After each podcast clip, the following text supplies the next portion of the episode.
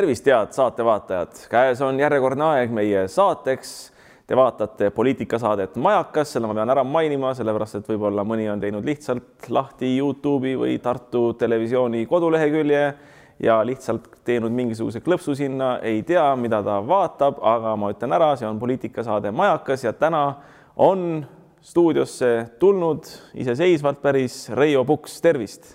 tere, Andro kuidas sul elu läheb, sa nüüd oled siin kahe omavalitsuse või isegi kahe maakonna vahel, töiselt oled Viljandimaal toimetamas, oled eh, halupuidutööstuse juht, Eesti Ühistumetsa juhatuse esimees, aga elukoht, eh, vähemalt niisugune toimekas elukoht on sul Tartu linnas.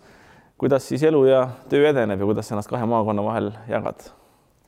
no väga keeruline on, et väga palju sõitmist, aga väga palju organiseerimist, aga saan hakkama, et äh, käin praktiliselt iga päev tööstuses Viljandimaal. seal peab asjad joonele saama, inimesed töös rakkes hoidma ja, ja siis samal ajal ka siin Tartus asju ajama. aga kuidas sulle üldiselt äh, poliitikaelu tundub, noh, siin on rahvusvahelist poliitikat, siin on äh, lokku löönud äh, seoses Afganistaniga, äh, Joe Bideni tegevusega, äh, seoses äh, ülemaailmselt igasuguste nende piirangutega, mis on tehtud, aga ka Eesti poliitika, kohalik poliitika. noh, siin olid ära presidendivalimised, valiti president. ma arvan, et tegemist on igati niisuguse riigimeheliku mehega. ja on ka kohalikud valimised, mis on sisuliselt juba käes ja varsti võib tulemusi oodata. Noh, see segane jutt, mis ma rääkisin, kuidas sa vaatad siis selle poliitika peale, ma ei tea, kas sa tahad alustada väga kohalikust poliitikast, riigipoliitikast või räägime rahvusvahelisest poliitikast? noh, rahvusvaheliselt on loomulikult väga keeruline situatsioon praegu, et vaadates Afganistani ja mis seal nüüd kõik toimuma hakkab ja mis juba toimub, järjest hullemaks seal kindlasti läheb. ja koroona koha pealt asjad hakkaksid nagu stabiliseeruma, aga aga selle viiruse mutatsiooni tõttu me vist niipea rahu ei saa, tundub ikkagi. kuule, aga mulle tundub nagu see, et vaata, Joe Biden Ameerika presidendina käitus ju umbes samamoodi nagu omaaegne Ukraina ja selle president, ma ei mäleta, kes see oli, kas see oli Janu, Janukovitš oli vist see, kes ära põgenes, aga teate, noh, need nimed on ka nii, nii vahetanud, aga see, kui oli Venemaa nagu sisse tungis Ukrainasse siis ju ka eh, Krimmis eh, anti sõjaväebaas sõjaväebaasi järgi rahumeelselt Vene vägedele üle ja pärast hakati siis pröökama, et et noh, suur okupatsioon on rahva tahte vastaselt sisse tulnud, kuigi oli seal pärast referendumi ja nii edasi, eks ole. samamoodi, no ma tean, see on väga poliitiliselt ebakorrektne jutt praegu mul rääkida, andke andeks, aga ma arvan, et see hääli ära ei võta. Eh, sellepärast, et need on faktid. samamoodi ju Ameerika Ühendriikide puhul, et jäeti kallist sõjatehnikat sinna sellele režiimile või valitsusele, keda USA väga tunnustada ei taha, aga de facto ikkagi läbi käib. et eh, näed sa siin nagu ka paralleele? kindlasti.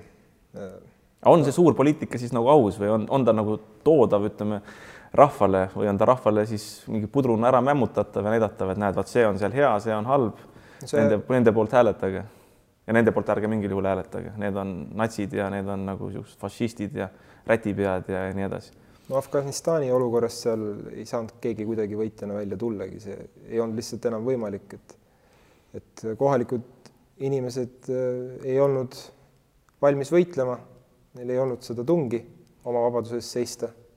ja Talibanil oli seda tungi väga palju ja olid ennast ammu sisse söönud juba igale poole ja kui see Ameerika välja tõmbas, siis lagunes lihtsalt kõik mõne hetkega koos, et et äh, ma ei, ma ei saaks seda päris seda Ukraina seisuga võrrelda.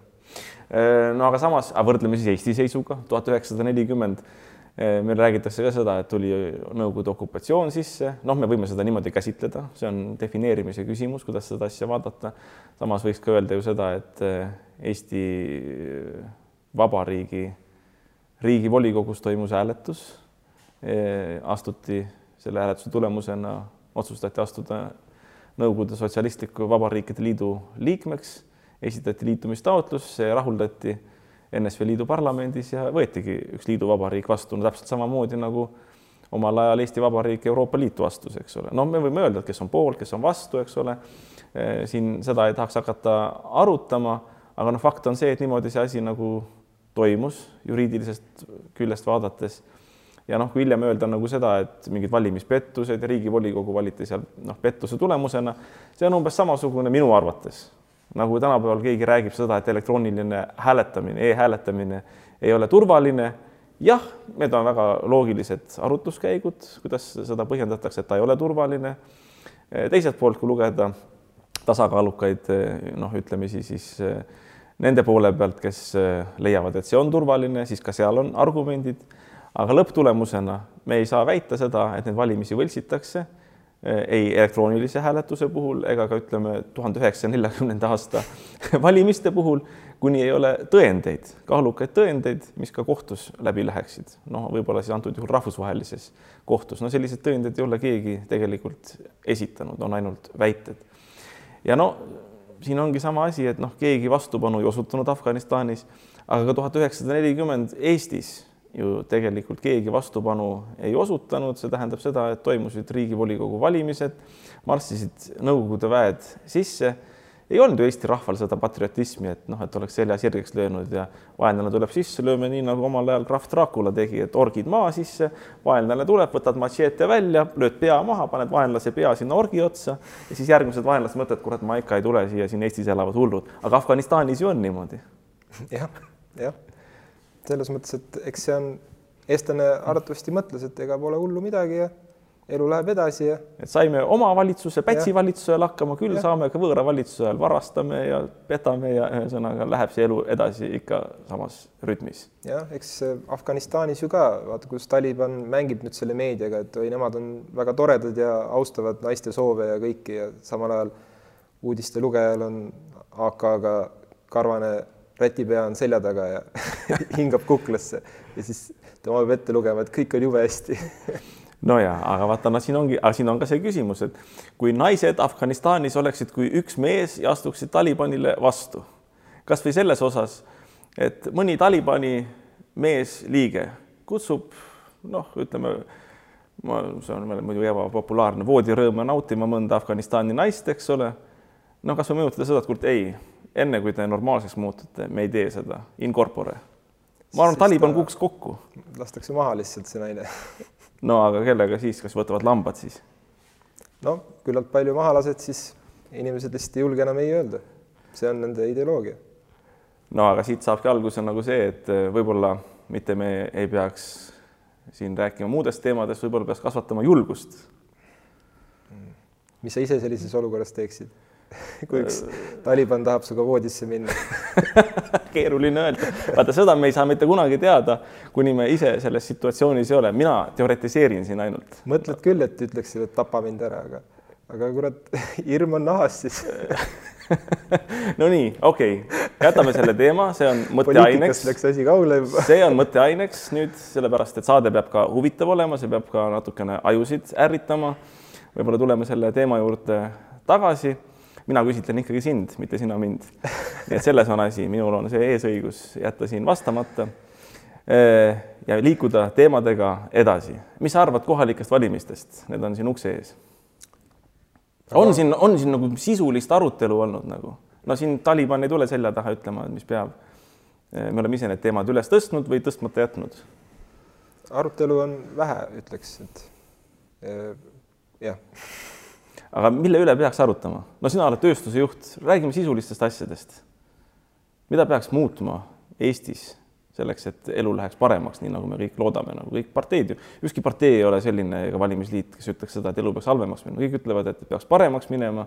aga noh, need lubadused on kõik sellised, me anname, anname viiskümmend eurot sinna juurde, sada eurot võtame nendelt ära, need on pahad, anname selle teistele. aga mis, mis tegelikult peaks tegema? kuidas tööjõuga näiteks on?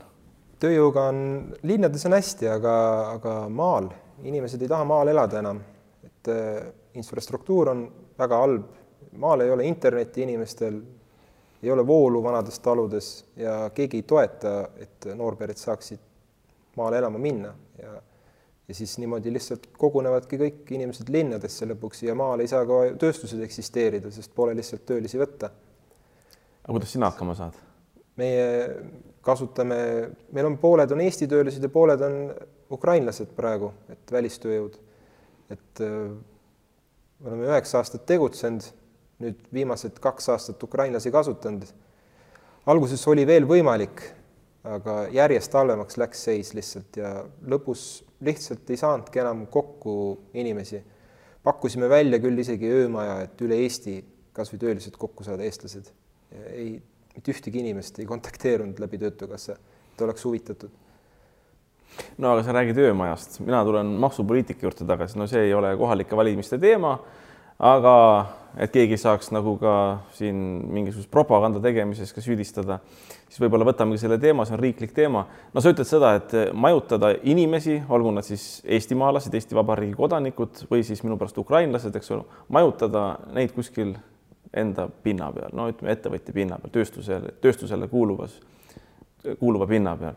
aga see on ju erisoodustusmaksuga seotud, kui siin nüüd deklareerida neid asju.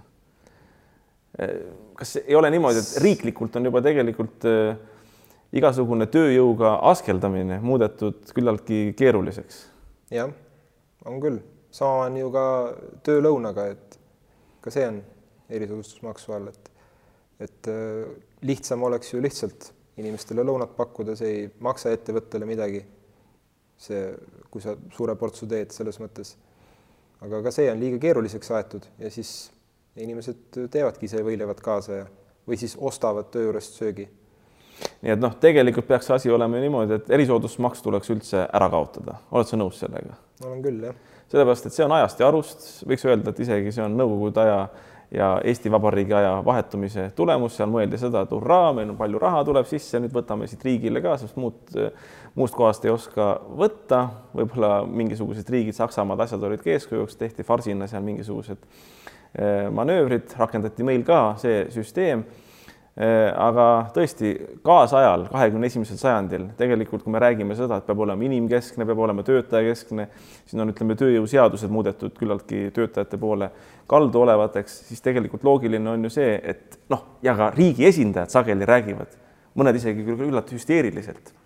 Äh, et noh, et tööandjad ei, ei, ei taga üldse töötajatele mingisuguseid võimalusi ja nad on ahned ja halvad. aga sina tööandjana ütle, noh, kas see on siis niimoodi, kas sa pakuksid seda võimalust, kui riik ei peedistaks sind mingisuguste täiendavate maksudega? see oleks ju loogiline, on Eesti pere, tahab töötada selles piirkonnas, et ta ei koliks linna ära kuhugile, jääks sinnasamasse Viljandimaale, tuleb sinu tööstusesse, sa annad osa tema tööpanuse eest raha töötasuna, mille pealt tuleb maksta riiklikud maksud, aga teine osa võiks ju olla see, et eh, sa näiteks annad järelmaksu peale või ehitad valmis töötajale, tema perekonnale eluaseme. see oleks väga huvitav idee. sellega kinnistad nad sinna koha peale. ja mis sealt edasi tuleb, sealt edasi tuleks ju koolid, lasteaiad, ka täiendavad, noh, kas just töökohad, aga teenistuskohad. ja sealt on siis ka maksulaekumine kohalikule omavalitsusele, nii edasi, nad hakkavad tarbima tekivad uuesti kohalikud poed, ma ei tea, kas teil seal Tuhalaane külas poed on praegu? ei, lähim pood Tuhalaanest on kuskil kuusteist kilomeetrit ja see on ka niisugune väike külapood, et suuremasse poodi tahad, siis pead Viljandisse välja sõitma, et siin on juba üle kahekümne kilomeetri. aga kui sa vanasti olid äh, poisike, siis olid poed seal või mõni pood?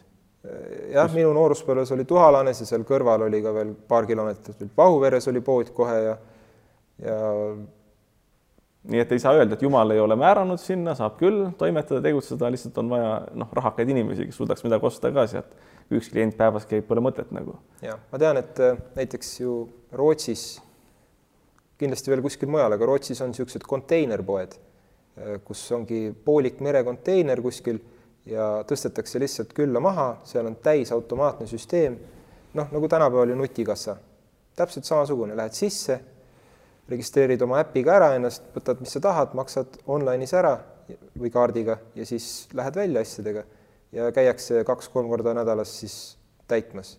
sul ei ole seda pidevat äh, kassapidaja, noh, palka ei pea maksma, on ju, lihtsalt äh, sõidetaksegi ühe bussiga, sõidad läbi, täidad ära kõik konteinerid, miks ei võiks Eestis niisugust, keegi niisugust süsteemi teha? mitte ei võiks, vaid see lausa peaks olema selleks on tegijaid tarvis ja tegijaid on tarvis poliitikasse, sinusuguseid tegijaid, kes sa oled nagu praktik, mitte lihtsalt teoreetik, sellepärast sa nii palju ei lobisegi sa oled tegija, aga nüüd äh, võib-olla sa räägid saate vaatajatele natukene sellest tööstusest, mida sa Viljandimaal juhid? nii, et äh, alustasime siis sinuga koos kaks tuhat üheksateist aasta suvel tegime Eesti Ühistu metsa ja hakkasime seda alupuu asja ajama. Et üks klient oli meil siis olemas. minu kui Tartu Hoiu-laenuühistu esindajaga, mitte eraisikuna. sinu kui jah ja., Tartu Hoiu-laenuühistu esindajaga ja Märdiga. ka kui Tartu Hoiu-laenuühistu esindajana. täpselt, et äh, Eesti Ühistumets on ikkagi Tartu Ühistu tütarfirma, et ja siis äh, alustasime, esimene hooaeg suutsime seal maha müüa kuskil sada kaheksakümmend tuhat võrku alupuid. järgmine hooaeg juba nüüd siin kaks tuhat kakskümmend, kaks tuhat kakskümmend üks vahetus äh, läks meil peaaegu viissada tuhat, peaaegu pool miljonit kotti, see on siis äh, praktiliselt üle kolmesaja rekkakoorma. et äh, juba päris viisakas number, et praeguseks nüüd äh, tänaseks päevaks on meil juba toodetud üle kahesaja rekkakoorma siia hooaega ja praegu on alles september. Nii et ehk hooaeg alles algas? augusti lõpul? jah, et äh, noh, maht ikka suureneb aasta-aastaga kõvasti, et see aasta no, prognoos on niisugune kuussada, seitsesada tuhat, kui hästi läheb ja kui toormaterjali jätkub. et oleme siin RMK-ga koostöös samamoodi ka äh, tegeleme ise metsade haldamisega ja sealt saame ka kasepaberit, et me põhimõtteliselt teeme praegu kasepaberist ainult äh, kasealgu ja pakime võrkkottidesse. et äh, RMK-ga on kõige mugavam selles mõttes koostööd teha, et sa tead esiteks, et see puit, mis tuleb, et see on hästi majandatud metsadest, et see kasvab kõik tagasi, ei lähe lihtsalt võssa, ei jäeta unarusse koristatakse korralikult enda järelt ära. et äh, ma ise seal ümberringsetest tean mingid vanad head seenemetsad, kus ma olen käinud väiksest peale. Nüüd lähed vaatad, on kõik ära lagastatud, maha võetud, seal bensukanistrid ja rämps on jäänud metsameestest maha ja et äh, nii palju, kui ma RMK lankidel käinud olen, siis, siis tead, et alati vähemalt on kõik enda järelt ära koristatud, samamoodi nagu me ise teeme aga miks see, miks see nagu erametsades siis teistpidi on kui riigimetsas või meie ühistu metsas? seda ei kontrollita küllalt. ja. Aga ütleme, me oleme vabariik, jälle tuleme filosoofiliste teemade juurde. vabariigi ja demokraatia alus peaks olema rahva enesekontroll, see tähendab, et mitte keegi kõrgem ei kontrolli, nii nagu monarhias kuningas või keiser kontrollib oma alamaid, meil ei ole riigi alamaid, meil on kõik kodanikud. et siis rahvas peaks iseennast kontrollima ja see ei ole ka mitte nõukogudeaegne pealekaebamine, vaid tõesti enesekontroll, et näiteks sina, Reivo Puks või mina, Andro Roos, olen oma toas. ma tean, et ma ei tee junni sinna nurka, mingit loiku ei tee, vaid ma lähen WC-sse, samamoodi ma ei söö ja ei pudista seal, sest ma pean ise koristama, mul endal on halb ja niimoodi peaksime ju käituma ka riigi kodanikena oma riigis, et me ei tee siia nurka hunnikut, sinna loiku, vaid me hoiame selle kõik ilusti korras ja pärandame tulevastele põlvedele suurte kasudega isegi ideaalis. jah. loomulikult on sul õigus selle koha pealt, aga tihtipeale asjad nii ei. aga miks, aga miks ta ei ole näiteks niimoodi, mis sa arvad? inimesed on erinevad ja eks raha on see kõige tähtsam, et kui see koristamine maksab, siis ju noh, kasulikum on ta jätta koristamata. aga okei okay,, siin võiks olla üks valimis, ma ei tea, kas lubadus või nõudmine. see ei ole nendel valimistel aga tegelikult selle asja peale tuleks mõelda. prügivedu, see peaks olema tasuta. sellega ma olen küll täiesti nõus. et meil seal kõrval, tööstuse kõrval on Kopra turismitalu ja neil on prügiveoga pidevalt probleemid, et suvel on tohutult prügi, noh, külalisi käib ju rohkem ja talvel ei ole praktiliselt üldse. ja siis äh, proovid tellida neid konteinereid ja asju, et tulge, viige see prügi ära, no maksame, mis maksab palun lihtsalt tulge, viige ära. keegi, keegi isegi ei tule su prügi ära võtma sealt, isegi raha eest mitte, rääkimata tasuta, onju. ja muidu oli, süsteem oli vähemalt Viljandimaal nii, et sa võisid ise viia prügi prügimäele kalluriga, kallasid maha sinna peale kaalumist ja maksid ära oma maksud, kõik korras. nüüd enam nii ka ei või. ehk siis lihtsalt tehakse inimestele raskeks sellest prügist lahti saamine. nojah, siis pappi on vaja teenida mingist vähestele ettevõtetele. aga tegelikult siit me võiks jõuda ju näiteks omanikutulu küsimuste juurde, noh näiteks ühistumets on Tartu Hoiu-laenuühistu ja Tartu Hoiu-laenuühistu liikmete jaoks omanikutulu projekt, kõik, kelles, kes selles osalevad liikmetena, eh, saavad kasu ja kedagi ei maksustata ja siit noh, ma olen ise välja käinud selle teema eh, omanikutulu ka Tartu linna kodanikele. no ma ei julge täna siin kohalike valimiste kontekstis unistada tervest Eesti Vabariigist. Tartu ja Tartu Hoiu-laenuühistu võiksid olla siis eh, Tartu linn siis omavalitsusena, Tartu Hoiu-laenuühistu juba toimiva ühistuna eeskujuks tervele Eesti Vabariigile, tervele Eesti rahvale sellist süsteemi rakendada. Ja prügivedu oleks ju suhteliselt hea omanikutulu allikas näiteks Tartu linnale, kus Tartu linnal võiks olla oma prügiveo-ettevõte, mis koristab Tartu kodanike prügi tasuta ära, aga prügi on ju tänapäeval ressurss, see tähendab seda, seda saab müüa katlamajadele, seda saab taaskäidelda, plastmassi saab ümber töödelda, ühesõnaga seda saab müüa, selle pealt saab teenida tulu, mis tähendab seda, et see ei oleks mitte mingisugune sotsialistlik või kommunistlik selline abistamise sotsiaalprojekt vaid see oleks ikkagi päris tõsine projekt, kus me lahendaksime kaks küsimust. esiteks, äh, linn saaks prügist puhtaks. teiseks saaks teenida selle prügi kui ressursi pealt omaniku tulu ehk peaks vähem maksustama edaspidi kodanikke, saaks linnaeelarvet täita omaniku tulust laekuvate vahenditega ja kolmandaks oleks promo, oleks eeskujuks tervele vabariigile ja võib-olla tervele maailmale selle küsimusega. mis sa arvad? jah, see on hea mõte ja prügimajandus tuleb korralikult kontrolli alla saada, et siin Tartu ümber olevates puhkekohtades on prügi on laiali, pole, prügikasti ei ole, kuhu panna, inimesed viskavad maha või siis panevad ilusti küll kotti, aga jätavad selle koti maha, ei taha oma väiksesse autosse tõsta või ei taha jalgsi koju vedada. ja kuigi on, riik on või siin vald on teinud kohad, kus olla, kus grillida ohututes linnaäärsetes kohtades, siis ei ole, seal ei ole korralikku prügimajandust. Nojah, rääkimata prügikassidest, prügikassid võiks olla pealt avatavad, sellepärast et sinna oleks hea prügi panna. inimestel on kiire, tänapäeval viskavad suitsukoni või mingisuguse paberitüki nagu sinna läheb mööda, noh, ei ole kõik korvpallurid, et kuskil väiksesse auku sisse visata. nii et tegelikult sellistest väikestest asjadest peaks juba alustama. jah kuule, aga veel on niisuguseid teemasid nagu näiteks koolivägivald ja üldse vägivald ühiskonnas. no me rääkisime siin seoses, tuleme jah, selle teema juurde tagasi, et äh, Talib seisab sinu selja taga, on niisugune karvane habemesse kasvanud, no see on hirmutamiseks, väline niisugune noh, esi, esimene tunne peab olema, et hästi hirmus mees, eks ole, seisab püssiga, võib-olla, võib-olla pole kuulja sees, aga võib-olla on, seisab selja taga ja käseb sul midagi teha, midagi ebameeldivat, mida sa ei taha no võib-olla isegi võib sind, sinu ema, sinu naist, last, mis iganes, eks ole, lähme veel hullemaks. Aga Eestis on sama asi ju, räägitakse mingisugusest vägivallast, on mingi naistevastane vägivald, lastevastane vägivald, võib-olla ka meestevastane vägivald. mina ütleksin, et on kodanikevastane vägivald. Ja see, kes vägivallatseb, on bürokraatia diktatuur. Nii et see teema on suhteliselt selline lai, mitte midagi ei saa kontekstist välja rebida ja naiste või laste või meeste või kellegi turvakodudega seda asja ei lahenda. mis sina sellest probleemist arvad, kuidas sina lahendaksid vägivalla probleemi, no koolivägivalla probleemi näiteks? või ei saa seda lahendada? see algab ikkagi vanematest kõik. et äh, õpetajal, õpetajatel on tänapäeval väga raske kui sa natukenegi juba üritad last kasvatada seal koolis, siis vanematele pärast ei meeldi, mis sa oled teinud seal ja riskid oma töökohaga. ja samas lapsed, lapsevanemad ise kodus last korralikult äh, ei kasvata.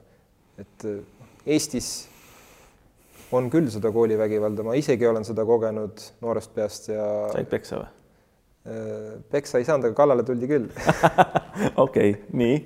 jah, et Äh, aga noh, üleüldiselt on meil vähemalt parem seis, et kui siin Ameerikas seal kooli tulistamistega, et et seal just, just oli, kuskil oli huvitavalt kirjutatud, et väike laps küsis õpetaja käest, et õpetaja, kas me võiks teha ukse lahti koridori, et äh, siis see viirus läheb välja uksest, et ei, siis ta ei jää, ei jää siia klassi keerlema. ja siis õpetaja ütles, et ei, et siis saavad koolituristid sisse. okei okay,, niipidi et noh, selles mõttes on Eestis parem olukord, aga, aga ma arvan ikkagi, et tegelikult on lapsevanemates on kõik see saanud alguse, et miks üldse on koolivägivald, et lastega ei tegeleta küllalt, ei õpetata neid kodus ja. Aga näiteks siin Tartu Puškini gümnaasiumis äh, oli vanasti, ma ei tea, kas praegu ka on Eh, kohustuslikud või kohustuslik enesekaitsetunnid kõigile õpilastele ja enesekaitse, see tähendab füüsilist valmisolekut rünnakuks, rünnaku tõrjumiseks, aga ka filosoofiat selle taga, sest see ei ole lihtsalt kaklemine, et sa lähed, annad kellelegi kannaga näkku või, või blokeerid löögi, vaid seal on ka filosoofia taga.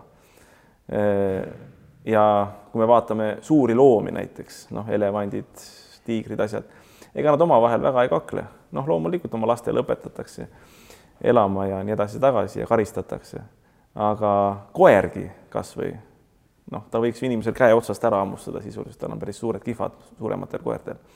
aga tal on ka nii palju mõistust, et ta teab seda, et eh, inimene on temast siiski üle, kui mitte muidu, siis noh, vaimselt või, või ütleme mõistusega. Ja ta ei lähe teda hammustama tal on mõistus peas, ta noh, noh, natukene näkitseb võib-olla siin, eks ole, no kui, kui muidugi ei ole just rünnaku eh, olukord, ma räägin tavaolukorrast. noh, samamoodi, kui me õpetaksime ühe inimpõlve jooksul, et see oleks ainult mitte Puškini gümnaasiumis, vaid näiteks alustuseks Tartu linnas kõikides koolides, lasteaedades kohustuslikud enesekaitsetunnid, kus nii poisid kui tüdrukud peavad osalema ja inimpõlve jooksul näiteks kakskümmend aastat, viisteist aastat, kolmkümmend aastat, selline periood siis tekiks ju ometi noh, see teadmine juba alateadvusesse, et eh, kuule, et näed, sina Reio, mina Andro, noh, võib-olla me oleme mingi kümneaastased nagad, aga me oleme juba mitu aastat õppinud ka enesekaitset. meie vanemad on õppinud enesekaitset, nii isa kui ema. Et kurat, ei tea, kas tasub sulle kannaga tulla näkku lööma või rusikaga, et sa ju oskad ka ennast kaitsta ja, ja ründad vastu. no aga üleüldiselt ikkagi on, mõni on selles enesekaitses parem kui, kui teine ja kokkuvõtteks. et hakkab nagu mingi turniir nagu pihta, et kurat, et noh, et läheks äkki prooviks, et kurat äkki, äkki saab ikka. et äh, loomulikult äh, see nõrgem laps ka siis võib-olla oskab ennast kaitsta, aga keegi on tast ikka tugevam ja. No aga tal tekib on... mentaalselt vähemalt see, et ta oskab ennast kaitsta, ta teab, mida teha nagu sel ajal. ega me ja. seda lõpp, ega kaks elevanti ka, kui nad kaklevad, ega nad ju teada ei saa, enne kui nad tõesti kaklema läheksid, kumb tugevam on aga ilmaasjata nad ka päris kaklema ei lähe, nad võib-olla kaklevad siis, kui välja selgitada karjajuht. noh, praegu on ka valimiste aeg, et noh, kakeldakse omavahel, selgitatakse karjajuht välja põhimõtteliselt siin Tartu linnas ja teistes omavalitsustes. aga noh, kui on juba koalitsioonid moodustatud, jõujooned paika pandud, siis kakeldakse nagu rohkem näitamise pärast. Võib-olla on inimestega ka nagu niimoodi siis no, igapäevases elus. Kuskil võiks mingi linnak olla, kus saaks niisuguseid katsetusi teha. No aga Tartu on ju piisavalt hea, ta ei ole väga väike, aga ta ei ole ka väga suur, nii et siin saaks ju selliseid katseid teha minu arvates. Ja need ei oleks sellised katsed, et noh, et sa tulemust ette ei tea, no ikkagi loomariik annab mingisuguse indikatsiooni siin. Ja no kui rääkida loomulikult otseselt enesekaitsest ainult, kus tegeled ründaja noh, ohutuks tegemisega, mitte ise ründamisega, siis seal, seal õpitud trikid ja nipid tulevad pigem alati rohkem kasuks, et pluss see füüsiline trenn, mis sellega kaasneb, mõjub ju ka vaimsele tervisele väga hästi, et ka noh, tänapäeva lastel on ka see probleem, et ei liigutata küllalt, et istutaksegi ju telefonis ja arvutis ja ei tehta, ei tehta trenni ja siis jääb ka mõistus nõrgaks. aga lasketiirus, laskmas käimine, mingisugused väikesed eksamid, noh, võib-olla mitte nüüd väga väikestele keskkoolis. noh no., tuleb Talib, seisab selja taga või mingisugune, keda väga kardetakse. Äh, ütleb niimoodi, et noh, ma tahan sinul midagi teha, siis ütled, tule siia, teeme, võtad välja, ütled niimoodi, et noh, nüüd, nüüd teeme nii, nagu mina ütlen. no selles mõttes, et siis, siis juba neid relvi ei ole vaja nii palju siia Eestisse, et äh, seda ei ole võimalik kontrollida, nagu me Ameerika pealt näeme, kus osades osariikides üle viiekümne protsendi inimestel on relvad, et kui tihti seal on tulistamisi ja surmasid selle tõttu, et Eestis on see relvakontroll suhteliselt hea, et äh, ma olen ise ka jahimees ja relvaomanik ja see ei ole üldse lihtne neid relvi saada. et pead ikkagi korralikud psühhiaatrilised kontrollid läbima, laskekatsed, relvaseadus on korralikult vaja pähe tuupida ja sul peab olema ka korralik põhjus, miks, miks sa üldse tahad seda relva omada, et niisama seda ei antagi, et kui sa tahad enesekaitseks relva omada, pead essee kirjutama, miks sa arvad, et su elu ohus üldse on, miks sul seda relva vaja on ja kogu aeg hinnatakse. et noh, ma tean, et Ameerikas on niimoodi, et ütled, et ma tahaks relva ja siis öeldakse davai, et tule järgmine nädal tagasi ja saad ongi kõik. Nojah, vaata Ameerika on selles mõttes võib-olla ka paha näide, kuigi näitena võib seda loomulikult kasutada. Eh, mis minu arust näitab seda, et tuleb just enesekaitsekursused sisse viia koos selle filosoofilise õpetusega. minu arust Ameerikas ei ole seda filosoofiat ja, ja, ja kõike seda arusaamist, noh, see IQ tase läheb alla. no see on fakt, seal Ameerikas läheb alla, me siin Euroopas, eriti Eestis saame olla rahul sellega, et eh, meil on ikka seda kainet maamehe mõtlemist säilinud ja ma usun, et see säilib veel, Eesti rahvas on selline jonnakas, ükskõik kui globaalseks ja lolliks see maailm nagu muutub et noh, siin ongi nagu see küsimus, miks ma räägin seda, et enesekaitsekoolitused, seal on ju taga ka filosoofia ja kui seda teha nagu ütleme maast madalast, rääkida, mis asi on enesekaitse, mis vahe on nagu lihtsalt ründamisel, eks ole, ja kõigel sellel. Noh, idamaade filosoofia näiteks Jaapan, Hiina, eks ole, võtta, võtta nagu need eh, mõttemallid eeskujuks, siis tegelikult on ka selle essee kirjutamine hiljem, kui sa lähed relvaluba taotlema võib-olla sisulisem ja mõtestatum kui see, et ah, ma lihtsalt tahan võtta, noh, et siis sa kaalud selle asja läbi ja ja võtad siis, kui vaja on ja, ja kasutad ammugi siis, kui, kui vaja, vaja on. jah, kõlab kõik ilusti loogiliselt. aga noh, ega nüüd eh, me siin sinu kauem rääkida ei saagi. selles mõttes, et meie mõtted on sinuga välja käidud, saateaeg on sisuliselt läbi valimised on ukse ees ja nüüd teil, head telesaate vaatajad, jääb üle ainult sünteesida, mõelda, juurde pakkuda sellele, mida meie täna arutasime ja teha valimistel õiged valikud. kohtumiseni juba järgmistes saates